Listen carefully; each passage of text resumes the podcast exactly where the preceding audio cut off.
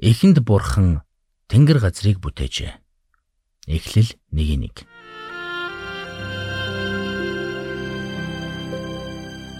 Мэргэний сонсог, мэдлэгийн тэлэг. Ухаалх нь мэрэгэн өдөр төмжийг мөн авах. Доктор Харалт цаалогийн мэрэгэн зөвлөмж нэвтрүүлэг.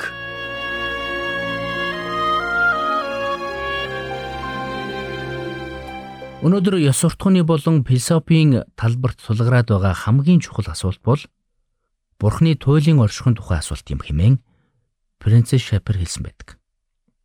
Тэрээр үргэлжлүүлэн бичгтээ Христэд итгэгчид Бурхныг бодит бодгалаар оршин байдаг гэдэгт бүрэн итгэдэг бол гуманистууд Бурхныг бодгал бус байдлаар буюу ямар нэгэн энерги хэлбэрээр оршин байдаг гэдэгт итгэдэг байна. Энэ тохиолдолд Бурхан биш. Хүн өөрөө бүхнийг химжих гол хэмжүүр нь болно гэсэн үг юм гэсэн байдаг. Довчхондоо бол хүн бүр эрт орой хэзээ нэгэн цагт Бурхан үнэхээр оршин байдгүй.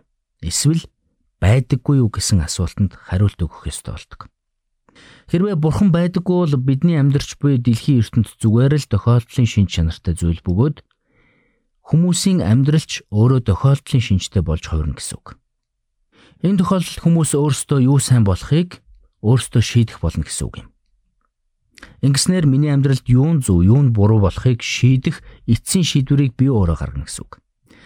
Эсвэргээр хэрвээ бурхан байдаг бол бид тэр бурхныг танин мэдэж тэр бурхантай харилцах харилцааг бий болгох нь хамгийн чухал болж хувирна гэсэн үг. Тэгвэл та дээрх асуултанд хэрхэн хариулах вэ? Хүмүүсийн хариултыг би 3 категорид хувааж үзэж болох юм. Категори 1. Бодгал бурхан байдаг гэдэгт итгэдэггүй хүмүүс. Ийм хүмүүс хэдэн зуун саяараа бий.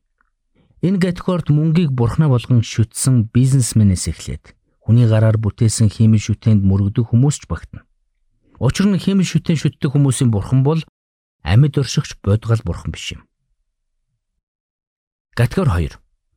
Бодгал бурхан байдаг гэдэгт итгэдэгч бурхан огт байдаггүй юм шиг амьдардаг хүмүүс. Категори 3. Библийн бурханд итгэдэг түүний үгийг даган амьдрахыг хичээдэг хүмүүс. Хэрвээ бурхан үнэхээр байдгийн бол тэгээд тэр өөрийгөө бидэнд илчилж бидний амьдралд хандсан өөрийн хүслийг илэрхийлж зөв бурууг бидэнд зааж өгсөн бол тэр бүхнийг нь үл хайхран амьдрах шиг том алдаа байхгүй гэдгийг ойлгох хэрэгтэй.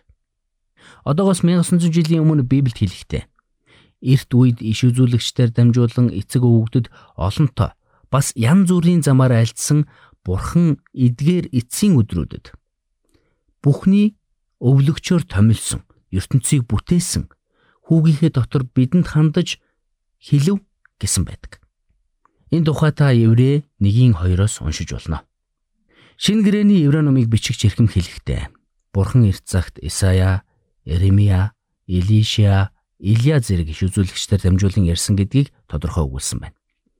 Харин үүний дараа Бурхан өөрийн цорын ганц хүү Есүс Христийг дэлхий рүү илгээсэн байна. Есүс Христ хэдийгээр Бурхан эцгийн дүр байсан боловч биднийг хайрладаг, бидэнд мөнх амийг өгөхийн тулд бидний төлөө загалмай дээр амиа өгсөн байна. Хэрвээ бидний саяын унссан үгс үнэн бол бид бурхан байдаг гэдгийг хүлээн зөвшөөрөө зогсохгүй. Бурхан биднийг өрөвдөн хайрлаж, цорын ганц хүүгээ бидний гим нүглийн төлөөс болгон өргөсөн гэдэгт итгэх учиртай юм. Тинхүү Есүс Христэд итгэснээр бид авралыг авч гим нүглээ уучлуулах болно. Энэ нь амьдралыг харах бидний харааг орон горн өөрчлөх болно.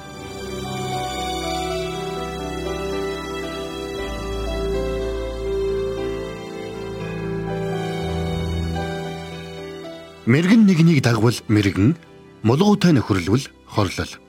Доктор Харалт цаалогийн мэрэгэн зөвлөмж нэвтрүүлгийг танд хүргэлээ.